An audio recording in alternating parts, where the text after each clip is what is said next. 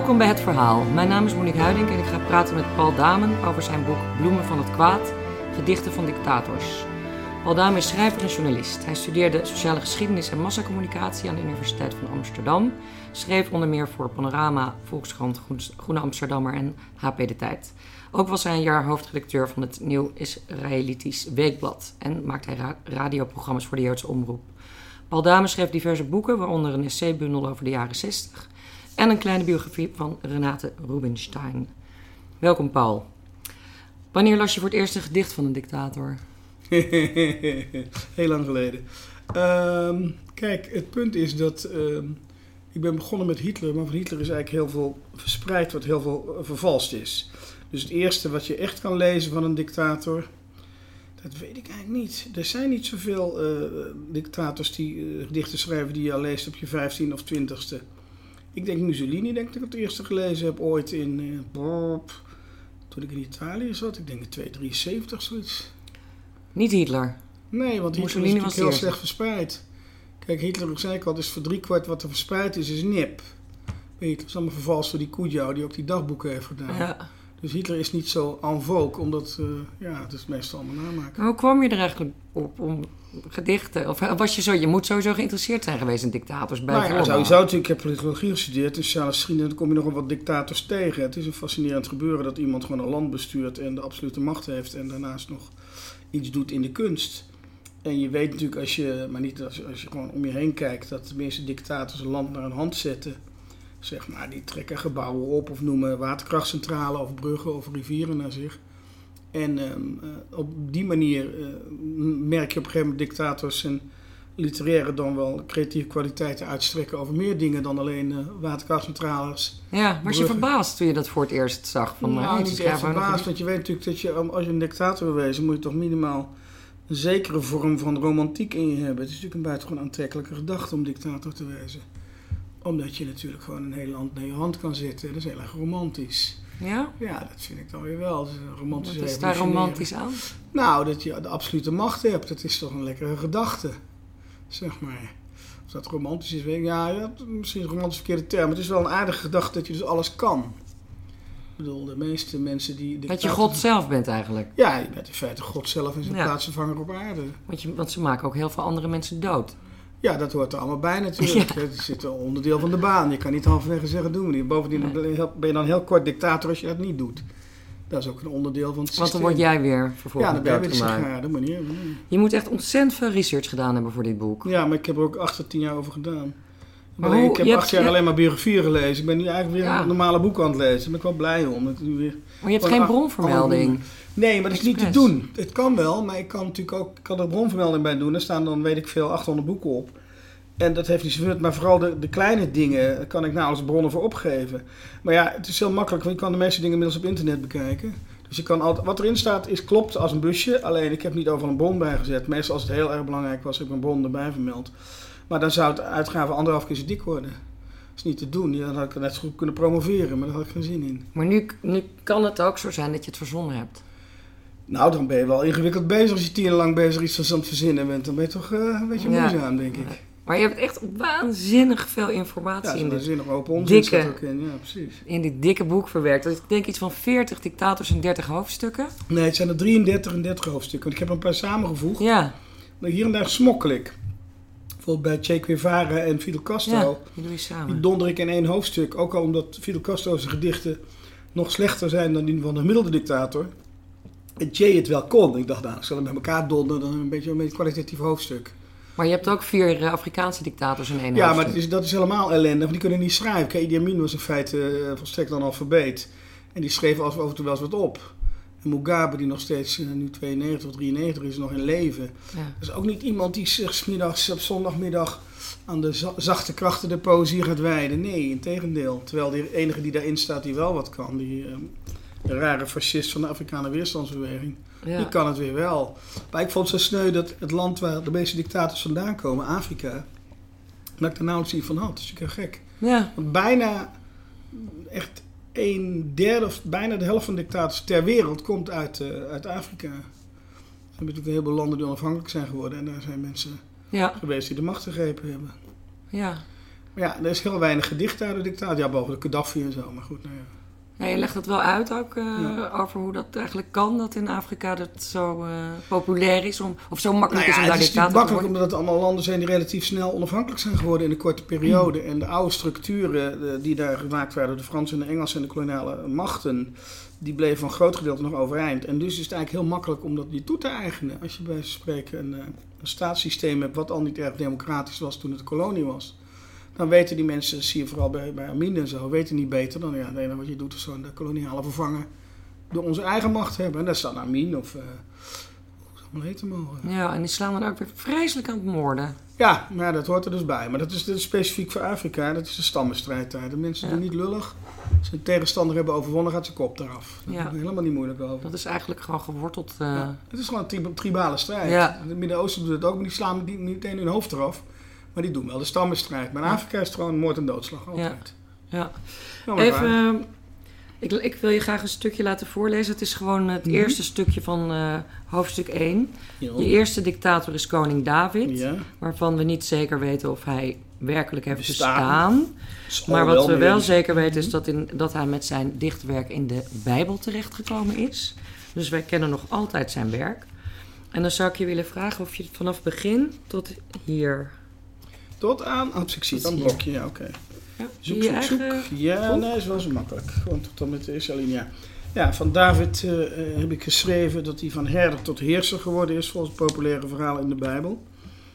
Ehm, ik heb er ook één boek even van tevoren erin gedaan, omdat eh, ik geprobeerd heb in dit boek altijd mensen erin te zetten met verhalen die afwijken van wat je weet.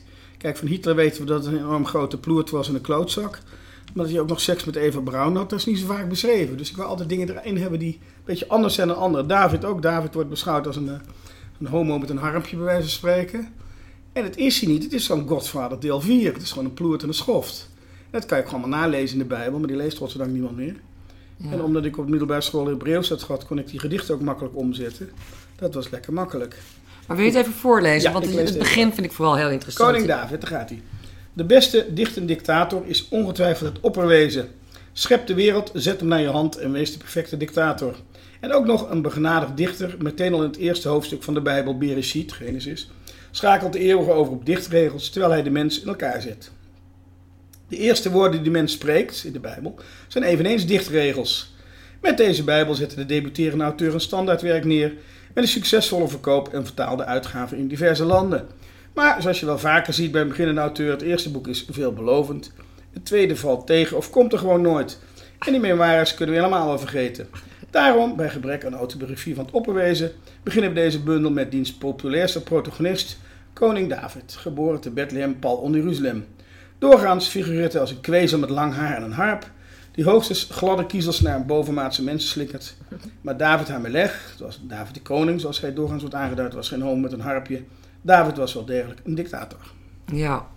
Kijk, wat ik nou leuk vind, want je gaat natuurlijk als je het boek leest ook nadenken van waarom dichten die, waarom willen ze, waarom willen dit soort machtswillistelingen, massamoordenaars in, vredesna- in vredesnaam dichten. Maar taal is natuurlijk ook een, een, een, ook een machtsmiddel. Ja, bij David zeker. David maakt die psalm, als je ze leest, om zijn vijanden te vervloeken. En om bij God of bij de eeuwige af te roepen dat hij hem zou steunen. Daar gaat letterlijk staat het van, ja, steun mij, want ik sla ze allemaal de hersens in. En die functie hebben dictatorgedichten heel vaak. Alleen bij David is het rechtlijnig, is meteen duidelijk. Dat gaat echt tegen zijn zoon, tegen de vijand, tegen de zijn oude moer. Ja. En hij zegt van, ja, want eh, help mij, sla ze op een bek. Want ik ben de baas. ja. Nou, dat is heel overzichtelijk. Maar wat ik interessant vond, hè, in de Bijbel begint, eh, of nou, niet het, het, het Nieuwe Testament met in het, begin, in het begin was er het woord. Ja. En eh, er zijn natuurlijk van oudsher altijd toverspreuken geweest, Mhm. eh, bezweringen, dat soort dingen. Heeft dat ook te maken met eh, waarom zulke macht, zo, hè, die, die alleenheersers, dat ze zeggen, Nou, kijk, dat het verschil, als je, als je uitgaat dat elke godsdienst bestaat uit angst voor de natuur die op ons neerkomt en donder en bliksem op ons loslaat, dan is in feite elke religie een bezwering van die natuur. Ja. Die bezweer je door het hogere aan te roepen in de hoop dat die je helpen. Ja. Maar kijk, bij David hoeft dat niet helemaal, omdat hij al de macht had. Dus had een beetje een opkontje nodig van de eeuw. Van de eeuw. Had een beetje hulp nodig. En dat zie je in die, in die gedichten. Maar hij had ook net zo goed, ja, het had niet gekund, maar hij had net zo goed ook niet religieus kunnen wezen. Maar omdat die cultuur zo was. Ja. En hij natuurlijk voor zichzelf zei, zoals elke dictator altijd zegt, dat hij door, door God gekozen is. Dat is ook altijd een goeie. Ja. Natuurlijk, dat moet je zeggen. Je kan niet zeggen dat je weet ik waar vandaan komt. Het is altijd door God gekozen, altijd. Kan niet missen. Ja, ja. God voor Dat deed hij ook. Nou, dat is prima. Maar goed, wat dus leuk is, hij wordt zijn dichtwerk, voor zover we dan maar van Mhm. uitgaan dat hij dat heeft geschreven. Kennen mensen nog altijd. Ja. Hij wordt nog steeds Dat geciteerd. wordt, in hele, dat wordt elke zondag gezongen in Precies. allerlei kerken. Maar wie ook, ehm, ehm, ik moet natuurlijk wel een beetje, ik kan niet alle, al je dictators Nee. behandelen. Maar wat ik grappig vond, eh, wie ook nog steeds geciteerd wo- wordt, eh, zeg jij, is, eh, zijn de liefdesgedichten van Sultan Ja, de Grote. heel erg De populair. tiende sultan van het Ottomaanse Rijk. Hoe zit dat in elkaar? Heel populair. Nou, Suleiman is natuurlijk een, eh, een vrij... Wij denken altijd nu, als we aan moslims denken, denken we altijd dat mensen zijn die in lange jurken lopen en elkaar de hersens inslaan. Maar Suleiman zat natuurlijk in de periode daar, de- toen wij de renaissance net meemaakten, toen we eraan begonnen.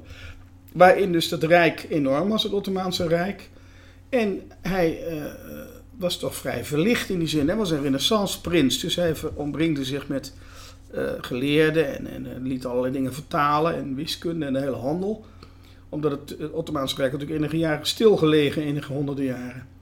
En Suleiman schreef daarnaast ook nog eens een keer hele persoonlijke gedichten voor zijn vrouw. En zijn vrouw was niet eens Ottomaans, die was niet eens moslim zelfs. Hij schrijft ook over mijn favoriete moslim, schrijft hij. Het was een slavin, die was bekeerd. Bekeerd, die was niet eens bekeerd, was moslim, maar die had hij gevangen genomen. Ja, Roxolana. En hij schrijft daar heel erg persoonlijk over. En dan is het niet gek dat, dat het machthebbers, ook het Midden-Oosten, laat ik zeggen, persoonlijke eh, eh, dingen opschrijven, of dat die gedichten schrijven, dat doen ze allemaal. Maar het aardige van Suleiman is dat hij ongegeneerd gewoon al zijn ellende neerzet in die gedichten. En Deze doe maar op. Ik zal hem even doen. Nou ja, dat kan je zien inderdaad. Hij zegt, het, gaat, het, is, het is ellende en, en geschreeuw en, en geween en geknars van tanden. Jouw leed, schrijft hij hier. Sinim Gam. Het, eh, het is oud-Turks. hè. Jouw leed en pijn verzwakt vannacht mijn ziel. Kijk hoe mijn tranen vullen zowel land als lucht. Vol pijn, verloren, lam, verliefd en met geen geduld. Eerst lopend cypres, nu ik je mis, geketend grenen aan de grond. Even tussendoor, dat vind ik prachtig, want de cypres is een hele rechte boom. En hij schetst dus hoe die minderwaardig gerenen hout wordt. En dat hij er een bal mee voorstelt als de, als de mens in de buurt is, zeg maar. Wat zeg ik over liefdesmart? Het is zinloos, praten ook. O dokter, vind een medicijn. Mijn pijn verslaat mijn ziel. O mijn lief aangezicht, jouw liefde schrijnt. Wat kan ik doen? Ik deed het mezelf aan, ik kan totaal geen kant meer op.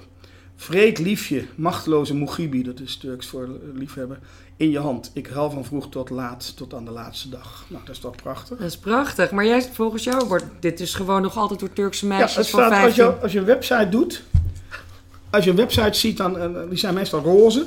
En dan staat er halverwege een gedicht van Suleiman. Maar dat zijn gewoon liefdesgedichten die... Want ja, kijk, het is, dit is zo actueel als de neten. Ik bedoel, dat hij zegt van ja, ik deed mezelf dit aan. Vind toch een medicijn, want ik word gek van liefdesverdriet. Dat is heel herkenbaar. Heel erg universeel. Hoe- Maar het gekke hier is dat het geschreven wordt door een man die hier dus onmacht uit...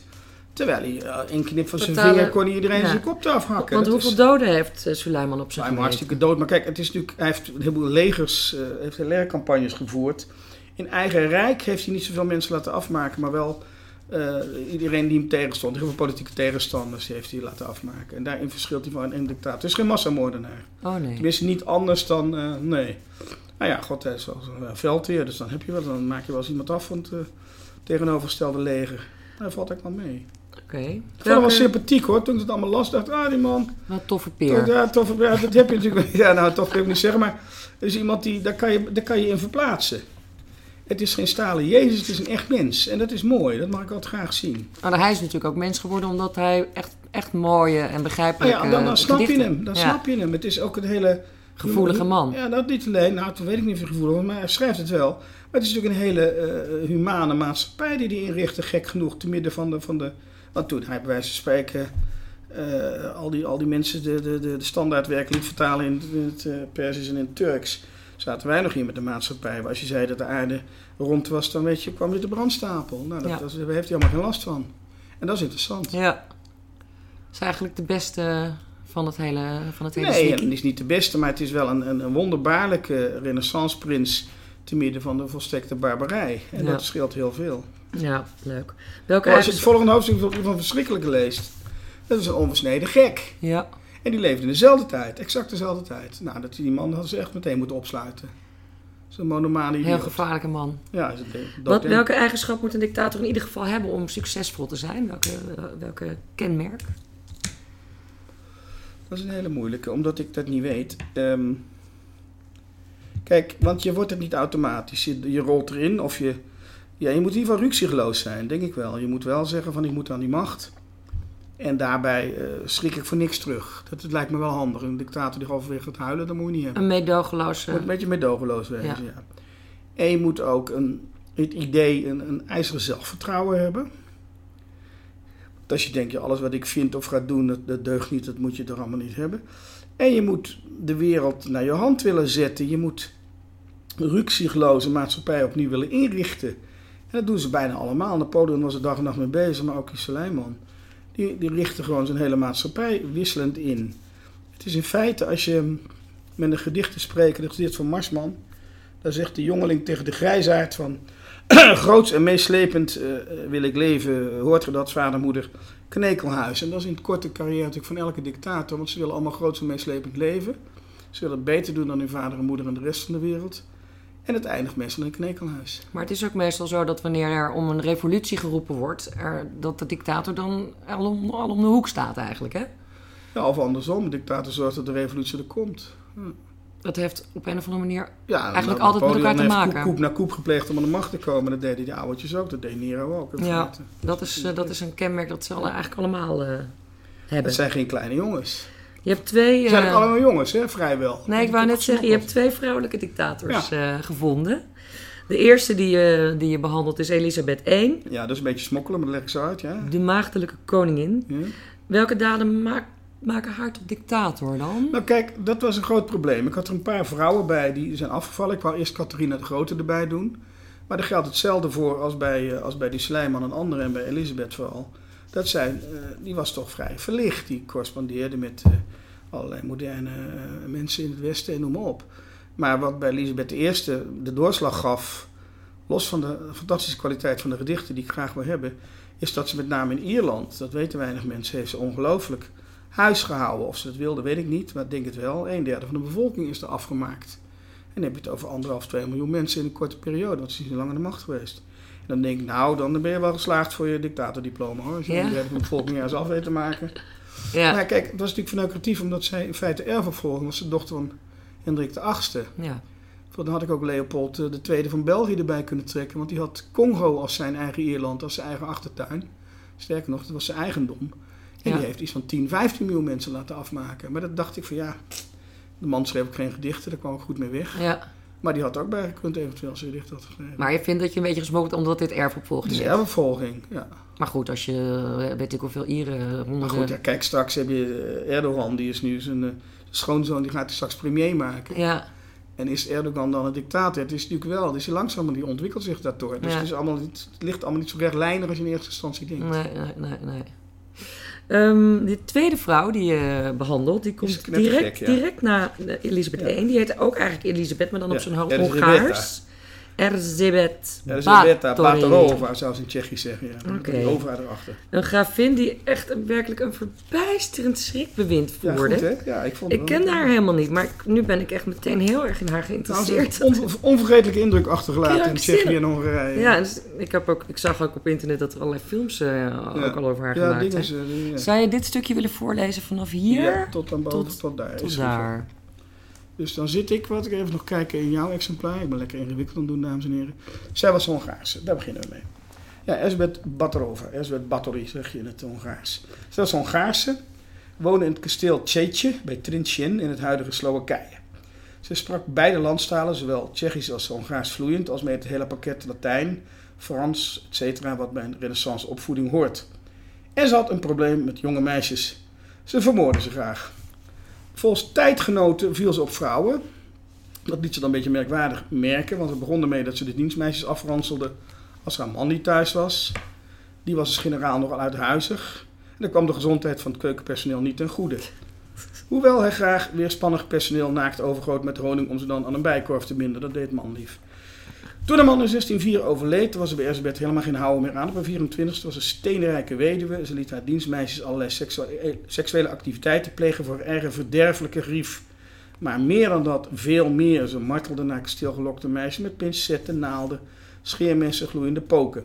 Ze deed aan cannibalisme en vampirisme, liet hem bevriezen, doodslaan, bakken aan het spit. U vraagt, wij draaien.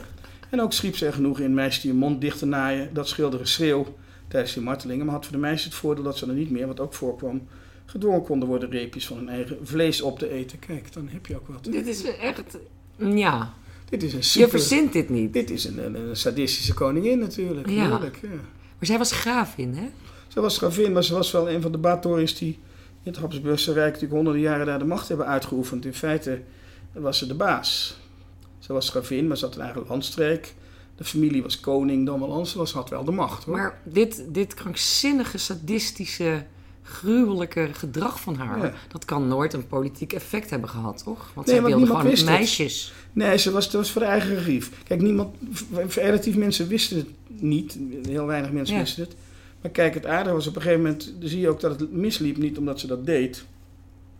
Ja, goed, misschien elke machthebber kan een hobby hebben door in het eh, schuurtje achter het huis enige mensen op te hangen. Alleen zij deed het iets te veel. En op een gegeven moment ging ze over de schreef, omdat ze meisjes van uit de adellijke kringen, ja. de boerenmeisjes waren op. Uh, die pakten ze. En toen, en toen vonden ze het niet leuk meer. vervelend, ja. ja. Een, beetje, een beetje onhandig. Ze staat in het Guinness Book of Records. Oh. Als de seriemoordenares met de meeste doden op haar naam. Ja, ze, ze, ze weten precies hoeveel. Heeft het Zullen er 4, 5, 600, maar ze weten het niet. Maar hoe liep het met haar af? Nou ja, ze is uiteindelijk onder invloed van mensen die allemaal ook familie waren en kennissen, is ze toch gearresteerd. Is ze opgesloten in haar eigen kasteel, is, is er dichtgemetseld naar verluid hoor, want dat weten we niet zeker. En ehm, toen hadden ze ook de administratie ontdekt, dus ze wisten ongeveer wat ze gedaan. Ze hield er heel netjes bij wie ze had laten martelen. Ah. En uiteindelijk is ze dood aangetroffen omdat ze de eten niet meer wat onder de deur doorgeschoven werd opat. En toen was ze dood. Nou staat er één gedicht van haar en dat moet je echt lezen. Dit is zo krankzinnig. Ik vind het echt geweldig ook. Nou, die heb je het is een gebed, hè? Het is in feite geen gedicht. Het is een gebed. Ik heb de, oh. de, de, Hongaarse... Het is, het is, een, dus een, een, heks, een heksenbezwering in feite. Ja, want hier is, is toch wel inderdaad sprake van een soort hekserij. Ja, dit is absoluut hekserij. En ze zegt het ook in het Hongaars. Ze, zegt, ze zal het waarschijnlijk in het Slovaaks gedaan hebben. Maar ze schamen zich in Slowakije nog zo ontzettend voor... dat ik wanhopig heb geprobeerd een Slovaaks origineel te krijgen. En zelfs in, de, in, de, in, de, in het museum wat er aan gewijd is in Slowakije hebben ze dat niet. Dus ik heb oh. het in het Hongaars gedaan.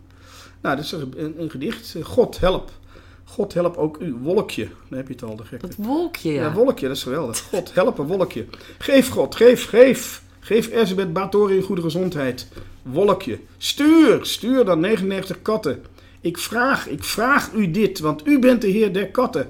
Dat u erheen gaat en hem beveelt zich te verzamelen, waar ze ook zitten, zelfs achter de bergen, achter de zeeën en de wateren nog achter om te komen, deze 99 katten, en dan snel op uit te gaan om het hart van koning Matthias eruit te bijten.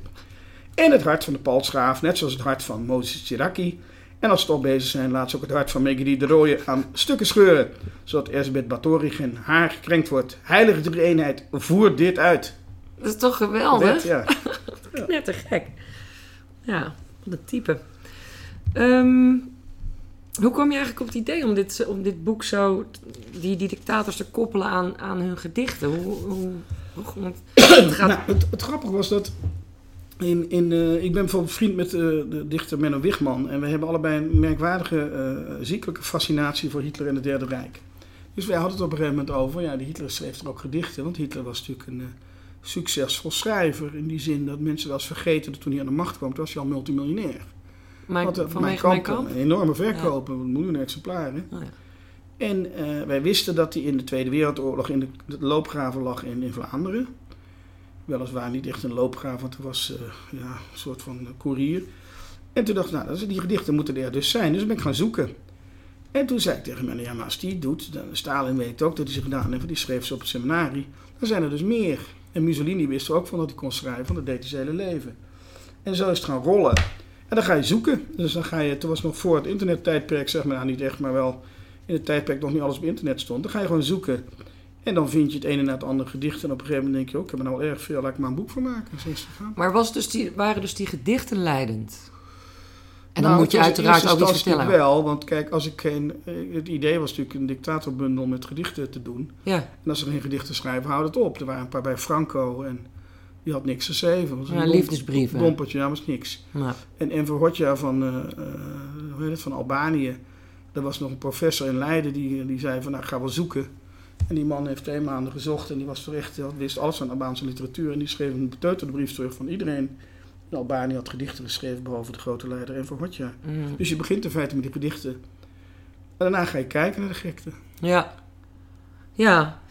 Nee, want ik vroeg me af of je eigenlijk dit boek ook had kunnen schrijven zonder die gedichten. Dus dat je gewoon een... Het zijn allemaal biografieën eigenlijk, korte Ja, biografieën. dat kan. Maar het gekke is natuurlijk dat de, de, de truc van deze bundel is dat je tegelijkertijd die gedichten hebt, wat toch, eh, om met Henriette Roland Holst eh, te spreken, de zachte, kant, de zachte krachten die zullen overwinnen zijn. De, de, de, de, de poëzie is toch een subtiel gebeuren.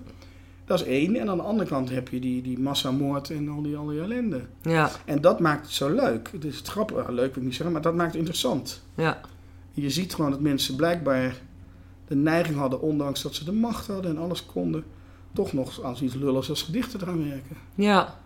Want ze wilden misschien ook een vacuüm dat door hun gedrag... je ze wilden misschien mens, menselijker... Je kan natuurlijk niet in hun ziel kijken, maar kijk, er zijn mensen, Hitler schreef zijn hele leven dat hij erg schrijver was.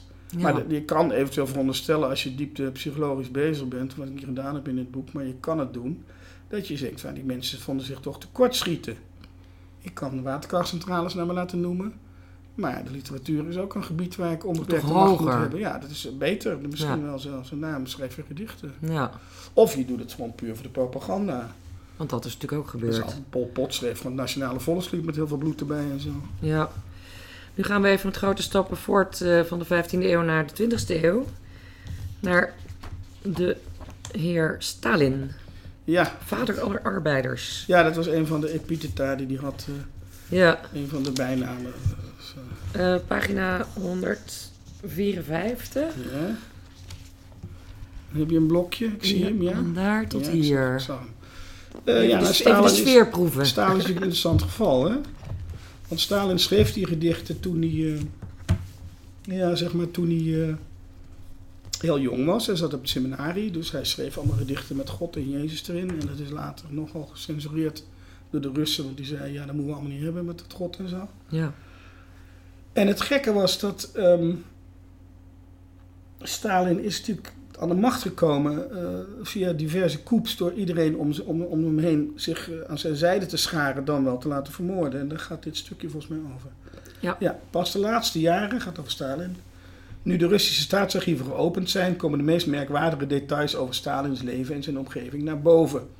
Hoewel hij aan het jaren 30 al de hoofdorganisatie was van de Sovjet-terreur, had Stalin, die door zijn biografie Montefiore treffend de Rode Tsaar werd genoemd, dat niet gekund zonder een hele hofhouding om hem heen. Die oligarchie, die rode nomenclatura, beloonde hem met woningen, auto's en wat dan niet, en hij vermoordde er elk jaar een paar om de rest bij de les te houden.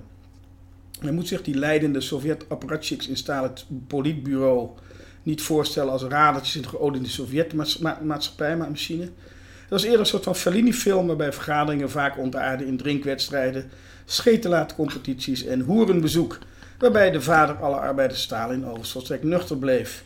Hij sprak ook nooit als eerste tijdens die vergaderingen. Hij liet de eerste resten het blootgeven, kon hij nog ingrijpen. En af en toe liet hij, om zijn medeleiders van de communistische partij onder druk te zetten, hun echtgenotes ontvoeren en opsluiten. En verder was bij Stalin niets menselijk hem vreemd. Hij hield van vrouwen, hij mocht graag een biljartje leggen of baby's op zijn knie laten rijden, terwijl hij de orthodoxe hymnes uit zijn jeugdjaren zong. Hij was koorknaap, hij was missionair, dus daar wist er wel wat van. En hij was niet eens zo slecht bij stem. Hij was op het seminarie de eerste koorjongen geweest en trad vaak op de school in de lokale opera. Stalin mocht ook graag als schoenmakerszoon een boom opzetten over het maken en repareren van, repareren van schoenen en laarzen. Dan heb je de Stalin. Het ene moment veroordeelde hij met één pennenstreek duizenden te dood, miljoenen, om vervolgens in de Kremlin huisbioscoop te genieten van een gezellige cowboyfilm. Ja, dat is toch wat. Hoe verklaar je de aantrekkingskracht van dit soort, eh, van dit soort moordenaars op, zoals bijvoorbeeld Stalin, Mao, Castro, Che Guevara en zelfs Pol Pot op, links, Mhm. op de linkse Nederland, intellectuele Nederlanders? Die hebben eindeloos met dit soort types gedweept. Nou ja, dat was niet zozeer, denk ik, het was wisselend. Kijk, bij Stalin was het gewoon wat links, soort communistisch was, geloofde in die man. Maar niet heel links, want men kan van de PvdA veel zeggen, maar niet dat ze eerder Stalin geloofd hebben. En voor de Russen is het wel duidelijk. Voor de Russen was het gewoon de man die het land uit de hongersnood en de rotzooi had gehaald. Daar was dan weliswaar een systeem tegenover gekomen wat uh, massamoord. Want elke Rus heeft wel iemand in de familie die in een kamp geëindigd is. Het geldt voor Mao ook. Maar je moet je voorstellen dat in dat soort landen als China en Rusland, die toch echt uit de middeleeuwen met harde hand eruit getrokken zijn door Stalin en Mao, dat die mensen reden hadden om die man te bewonderen. Maar ik bedoel Nederlanders. Ja, maar Nederlanders die denken dan weer van nou, als, als hij het kan, dan kunnen wij het ook. Kijk, het was natuurlijk in Nederland uh, voor Stalin en de CPN toen de tijd een enorme bewondering. Want dat was de man die de oorlog van, van Hitler had gewonnen in feite. Rusland heeft de oorlog gewonnen. Dat was het grootste aandeel in de Tweede Wereldoorlog was Rusland. En die bewondering, en ook de bewondering voor het, uh, het communistische systeem, wat Stalin uh, pretendeerde te vertegenwoordigen, waar hij ook de, de opperbaas van was, leidde tot zijn bewondering.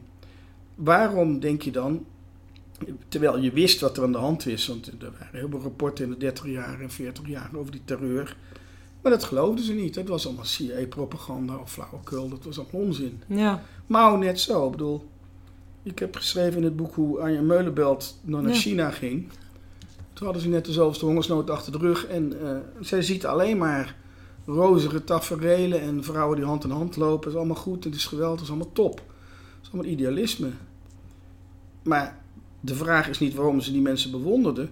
De vraag is waarom ze die mensen bewonderden terwijl ze hadden kunnen weten dat het enorme schoften waren. En dat is inderdaad een hele goede vraag die niet eenduidig beantwoord kan worden. Omdat ze zich blind houden voor de, voor de fouten, wat Harry Mulisch tot op hoge leeftijd Ja. met, Castro. met, met Castro gedaan heeft. En het verbaast me dat Anja Meulenbelt daar toch wel heel ver over de schreef gaat. Ja. Maar ja, dat was blijkbaar de ideale maatschappij, vond zij. Althans, een betere dan de, de maatschappij hier. En iedereen is gelijk en iedereen is gelukkig. Dat niet zo. Mao is de allergrootste ja, massamoordenaar die zit, van eh, allemaal. bui- die zit ruim boven de 100 miljoen. Ja. Dat is toch, on- dat Ja. kan je niet eens begrijpen. Nee, dat is heel veel. Ja. Maar er zijn ook heel veel Chinezen. Maar ja. dat, eh, je mist er niet zoveel op 100 miljoen. Maar het zijn er toch heel veel, ja. En je bijt op een gegeven moment ook een, eigenlijk wel een redelijk geïrriteerd eh, stuk aan eh, die verering van, van Che. Ja, Hè, dat, op Ja, maar petjes, t-shirts. dat heeft natuurlijk ook te maken met mijn achtergrond. Kijk, toen ik, toen ik sociale geschiedenis studeerde, toen ik politicologie studeerde, in mijn omgeving was iedereen een enorme fan van Che. Dat zie je nog als je nou hier in Utrecht naar het Vredenburg gaat, kom je vast wel iemand tegen met een pukkel, daar staat Che op. Of een, weet ik veel, Ja. eh, een. T-shirtje. Of, Ja, affiche, de hele handel. Alleen niemand heeft zich ooit in die man verdiept. Die man, eh, die Fidel, dat was ook erg, maar die, die Che is gewoon een pathologische boef. Een schof, die vond het leuk om mensen dood te schieten. Alleen, je kan niet verwachten van een middelbare scholier die een pennenzakje met Che erop heeft, dat hij een biografie gaat lezen waaruit blijkt dat Che op een nacht geen last meer van astma had omdat hij iemand had doodgeschoten. Daar was hij heel, heel blij, blij mee. Dus mensen weten het gewoon niet. Ik wist ook niet alles hoor, toen ik eraan begon. Nee, tuurlijk. Dus ik had bijvoorbeeld Ik denk altijd omdat hij gewoon een mooie kop heeft. Het is geen onknappe man. Ja. Nee, absoluut. Maar je en de rest, toch- dat weten we, weten we gewoon ja, niet. je moet je toch wel verdiepen in iemand voordat je dat op je, op je hemmetje zet, lijkt mij. Maar ja. Eh, nou, het is vandaag toevallig moederdag, de dag van deze opname. Dus eh, is dat niet even een schot in de roos om direct door te schakelen naar Hitler? Ah ja, een Maar van de die- slechtste gedichten die ooit in Duits geschreven zijn. Ja, maar ik sta dus, dus van versteld dat blijkbaar dit in vele hui- Duitse huiskamers geborduurd aan de dat, muur dat hangt. hing aan de muur. Ja, maar dat- dan wisten ze niet wie het, wie het was. Kijk, het is een heel gek gedicht. Ehm, eh, de, wij weten nog steeds niet 100% zeker dat het van Hitler is. Oh. Ik heb het in het boek beschreven als... eh, het- is vrij waarschijnlijk omdat het tijdens zijn leven een aantal keer gepubliceerd is... en ook opgevoerd is als gedicht van Hitler. In een dictatuur kan je dat niet ongestraft doen. Als je de leider een gedicht aansmeert. En we weten ook dat het bezorgd is door Ilse Hess, de, de, de vrouw van eh, Hess die naar Engeland gevlucht is halverwege de oorlog. En die stond heel erg dicht bij Hitler. Dus het moet haast wel echt zijn, maar zeker weten, weten we het nog niet. De oudste versies die ik vond waren geschreven, gepubliceerd in, heb ik niet een boek geschreven, in een boek in, in Braunau. In, in, in, een krant in Braunau, waar Hitler dus woonde na een jaar nadat zijn moeder was overleden, duikt dat gedicht ineens op. Anoniem, maar ja, toen stonden alle gedichten anoniem. Ja. Zal ik een stukje doen? Ja, doe maar. Nou, het is echt. Het is een wandtegelgedichtje. Ik kan, ik kan er trots op wezen voor Moederdag. Als je moeder oud geworden en jij ook wat ouder bent. Als wat vroeger haar licht afging, nu tot last zich heeft bekend. Als haar lieve trouwe ogen niet meer kijken als voorheen. Als haar voeten moe geworden niet meer dragen, steen en been. Steun haar dan met beide armen. en leidt haar met blij gemoed. Want het uur komt dat je huilend haar voor het laatst begeleiden moet. Vraagt ze iets, geeft dan ook antwoord. Vraagt ze nog iets, wordt niet moe. Vraagt ze nog wat, spreek haar niet te ruw, maar rustig toe. Kan zij niet meer alles volgen, leg dan alles uit bedaagd. Want het bittere uur zal komen, dat haar mond je niets meer vraagt. Ja, dan moet je toch wel even een Dan traantje wegpinken. Wat wegpinken, ja. Dan gaat er wel even wat door je heen. Nou, ik weet trouwens zeker dat er heel veel mensen dit echt mooi vinden. Ja, dat was ook het, het was aardig. Het werd genoemd door Hugo Borst in De Wereld Draait Door. Ja, En die had natuurlijk hetzelfde probleem. want Zijn moeder is ongelukkig overleden. Dus die zat heel erg met die moeder en las dat gedicht en die was daardoor ontroerd. ja. En die dacht, what the fuck, wat is dit? Dat is Ja. van Hitler. Ja. Ja. schrik. Oeps. Maar ja, why not? Ehm, dat is, eh, de vraag die ik nu ga stellen is, eh, is in, in- omdat het direct naar Hitler komt, maar dat doet er helemaal niet toe. Ehm, want al die dictators hebben eigenlijk allemaal een hekel aan Joden. Ja. Hoe kan dat nou toch? Overdreven hekel aan Joden, Ja. zeggen wij Joden dan altijd. Ja, Een beetje een hekel aan Joden hebben ze tot daar aan toe, een overdreven hekel. Nou, niet allemaal. eh Salazar zo allemaal niet. Ja, een heleboel wel. Ja. ja, ja, wat dat is, je moet toch, als je machthebber bent, ook zondebokken hebben. Dat zie je bij Erdogan nu ook. Die heeft de Koerden en die heeft eh, van alles in het land. En de Alevieten waar hij een hekel aan heeft. Een beetje dictator moet ook een zondebok hebben. En een Joden lenen zich er uitstekend voor. Een eigenwijs volk, dat moeten we allemaal niet hebben. En dat is hartstikke handig. Bij Hitler was het gewoon eh, normaal. Ik bedoel, iedereen was antisemiet. ja. Maar het is echt opvallend, vind Ja, ik. dat is ook niet zo erg, maar het is gewoon, ja, dat weet je. Het is ook niet voor iedereen geldt het hoor, want kijk, in China speelt het helemaal niet.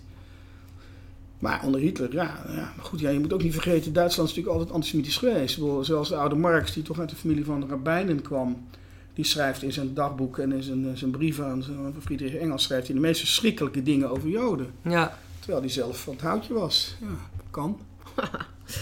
Ehm, welke, in, in, even naar de, onze huidige tijd, hè? Welke eh kandidaat-dictators zie je nu? Erdogan. Erdogan komt een hele eind. Ja, Ja, ja die is dat klassieke woord, weg. hè? Die is de klassieke weg aan het bewandelen. Eh, nog gekozen met 52%. Langzaam mensen op eh, posten zetten, die die familie daar neerzetten. Tegenstanders opsluiten, journalisten opsluiten, bedrijven zich toe-eigenen. Dat is klassiek. Hij doet in feite heel gek. Hij doet hetzelfde wat in Turkmenistan de grote Turkmenbashi deed. Die deed exact hetzelfde. Alleen die had dan de communistische partij nog achter zich. Maar langzaam de zaak inpalmen. Dus over een jaartje dan heb je een probleem met Turkije. Ja, je ziet hem gewoon van verre aankomen. En die, eh, de leider van IS, is die het al? Nee, maar dat kan een... Kijk, IS is geen staat. Ja, nou, IS is een, is een- islamitische een- staat. ja, dat vinden ze zelf wel, maar dat, dat is een staat die dan van de grenzen niet vaststaan. Bovendien, de, de, de, de IS zijn natuurlijk veel meer eh, islamitisch ideologisch gefundeerd. En eigenlijk is het gekke, een beetje dictator heeft geen ideologie. Die wil aan de macht komen. Hitler had wel een eh, soort van idee dat hij Joden moest uitmoorden, maar het nut daarvan was kwestieus. Heeft hij de oorlog gewonnen omdat de Joden heeft uitgemoord? Nee, in tegendeel. Als hij die trein had ingezet om wapens naar Rusland te voeren, had hij de oorlog gewonnen ook nog. Ja, En het gekke bij die IS-mensen, die hebben een soort van islamitische ideologie waar de hele wereld moet islam wezen. Dat zal niet lukken, maar dat willen ze wel. ja, Zijn de dictators? Ja, binnen hun eigen sector natuurlijk wel, maar ze slaan elkaar ook de hersens in, wat dictators ook doen. Ja. Daar kan je geen, geen lijn op trekken. Wel grappig dat die, eh, want je behandelt Saddam Hussein ook in je Ja. boek. Dat, eh, dat die, eh, die hele IS, dat zijn, Ja. gewoon, dat, dat zijn gewoon de mannen van... Ja, in feite voor een groot gedeelte de mannen die Saddam uit, van Saddam Hussein uit het leger gingen en die Ja. dan via een omweg komen terug. Ja. Ja, Maar het is natuurlijk volstrekt uit de hand gelopen. Kijk, de hele strijd er tussen Shiiten en Soenieten, die ik hier niet ga behandelen omdat het niet eens kan binnen drie minuten. Het is natuurlijk, eh, ik heb met het Midden-Oosten te maken. Het is, een, het is een stammenstrijd. ja, En die speelt zich door in het huidige conflict van IS. Die hebben, die onderling, de Soenieten hebben ruzie met de anderen. ja, En noem maar op. Dus het is niet... eh, beste, beste analyse vind ik nog steeds van eh, de huidige perikelen in het Midden-Oosten... is als je het eind van de film Laws of Arabia hebt... dan hebben ze Damascus veroverd. En de ene stam heeft dan de elektriek en de andere heeft dan het gas... en de derde heeft de watervoorziening. En die doen het geen van drie en die geven elkaar de schuld... en slaan elkaar opgewekte hersens in. Dat is exact in groter formaat wat in het Midden-Oosten nu gebeurt. Al die stammen zijn nog steeds aan het knokken ja. onderling. En dat is eigenlijk ook wel altijd zo geweest, toch? Dat is nooit anders geweest. Ja, Ja, er we hebben daar geen, kunstmatige landen van gemaakt door met een met een balpen en, en, en, en, en een passer daar gewoon wat, Ja. wat grenzen af te keren. Waarbij bijvoorbeeld de, de Koerden de lul waren. Ja, Maar dat gebeurt nog steeds. ja. Welke dictator durfde je niet in het boek op te nemen? Nou, Mohammed bijvoorbeeld, daar heb ik geen zin in. Kijk, Mohammed is ook kwestieus, want het geldt hetzelfde voor koning David. Ja. Die had niet echt een eigen land.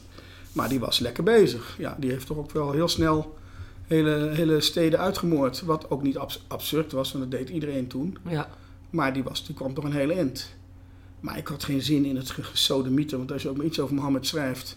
Ja. los van de discussie die nog kan voeren of de Koran ontstaan is in de tijd die ontstaan is. Er zijn oude fragmenten bekend, dus die heel veel bewerkt, is heel veel naar elkaar. Maar het is het woord van de eeuwige daarboven. En Ja. moet je maar niet aan tornen, want dan krijg je Ja. ruzie met aanhangers. Precies. ik geen zin in. Ehm, ik wil je nog één klein gedichtje laten voorlezen. Dan zeggen we nog niet van wie die is. Ik was daar heel erg door verrast. Die dag, pagina 415. Ah, Ja, ik weet wie het is.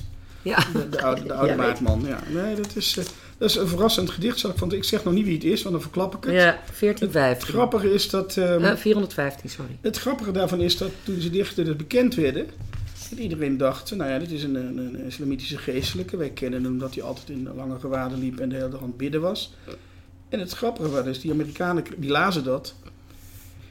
En het gedicht gaat over drank. eh, De, hier bijvoorbeeld die dag. Dat gaat zo. Ik kan nu wel verklappen dat het om eh, de grote Khomeini gaat. Hij zegt, op die dag dat ik me weer naar het wijnhuis zal begeven, zal ik alle vrienden de Soefi-mantel en de zetel van de Pir toevertrouwen. Zal ik de geschriften van de wijze gnostische filosofen scheuren, terwijl ik luidruchtig schreeuwend stampvoet. Dan heb je dus te maken met een eh, enigszins aangeschoten bargast die eigenlijk liefst wil knokken.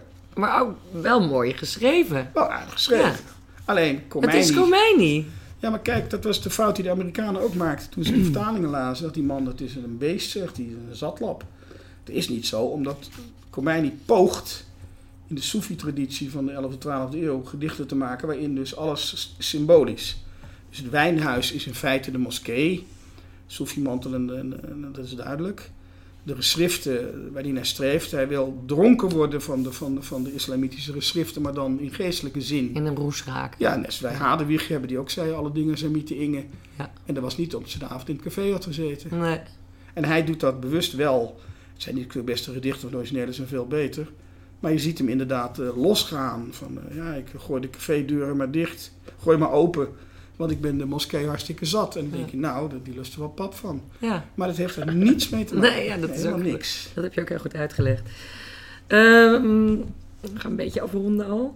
Eh, welke van die dictators is jouw favoriete dichter? Welke vind je het eigenlijk Nou, mooiste? dan moet je dus eisen gaan stellen aan de... Kijk, Gewoon voor smaak. Het probleem is dat je daarbij moet nadenken, zijn die gedichten goed, zonder na te denken wie ze geschreven heeft. Ja. Nou, bijvoorbeeld Mussolini is een goed schrijver, die kan het. Die, die sonnetten van hem zijn niet slecht. En uh, Karadzic bijvoorbeeld, thans woonachtig te Scheveningen voor nog een hele lange tijd. Ja. Die, dat is een kundig dichter, die kan het. Dat was hij ook voordat hij dictator werd, maar Ja. die was een kundig schrijver. En dat verbaasde mij toen ik dat uit het Servisch omzette. Ik dacht, nou, zo, dat, die kan het echt. Dat is verbazingwekkend. Ja. Dat is niet zozeer mijn favoriet. Maar meer de bewondering voor iemand die toch in dit merkwaardige genre als dictator iets neerzet waar je denkt, nou, dat, dat literatuur eh, is, is natuurlijk een ander vak, maar dat blijft wel overeind staan. ja. En dat zie je bij Karadzic heel duidelijk. ja. Is dit boek eigenlijk ook een, bedoeld als een soort waarschuwing? Nee, het is ook een afrekening met mijn eigen verleden. Ik was vroeger ook heel erg links. En dan denk je van, oh god, ik heb toch in, in Ho Chi Minh geloofd terwijl het een boef was. Echt waar? Ja, het, het- nou ja, ik wist van Ho Chi Minh wist niet dat het zo erg was. Ik wist wel dat die man toch niet helemaal deugde, maar dat het zo erg was. Ik, ik had, betrapte bij tijdens het schrijven er bijna op dat ik sympathie had voor de Amerikanen voor, de, voor die Vietnamoorlog. Maar dat moet je niet hebben natuurlijk. Maar Oh, ja. nee, het is ook een afrekening met mijn eigen verleden. Maar eh, het is ook waarschuwing. Nee, dan, kijk, je hoeft, laat ik zeggen, mensen niet te waarschuwen voor Karadzic, om dat maar eens te noemen. Omdat die gedichten zo bloed en bodem zijn en over moord en doodslag gaan. Dat gaan ze. Want dat weten we al dat hij dat deed. Daar is hij voor veroordeeld. Hij is niet veroordeeld voor zijn gedichten, wat wel had gekund, want die gaan exact over hetzelfde. ja. Maar dat doe je niet. Maar het is, eh, het is niet. Ik begrijp ze beter, maar bewondering heb ik er nog steeds niet voor. Nee. Nee. Oké, dankjewel. Ehm ik sprak met Paul Dame over zijn boek Bloemen van het Kwaad, gedichten van dictators.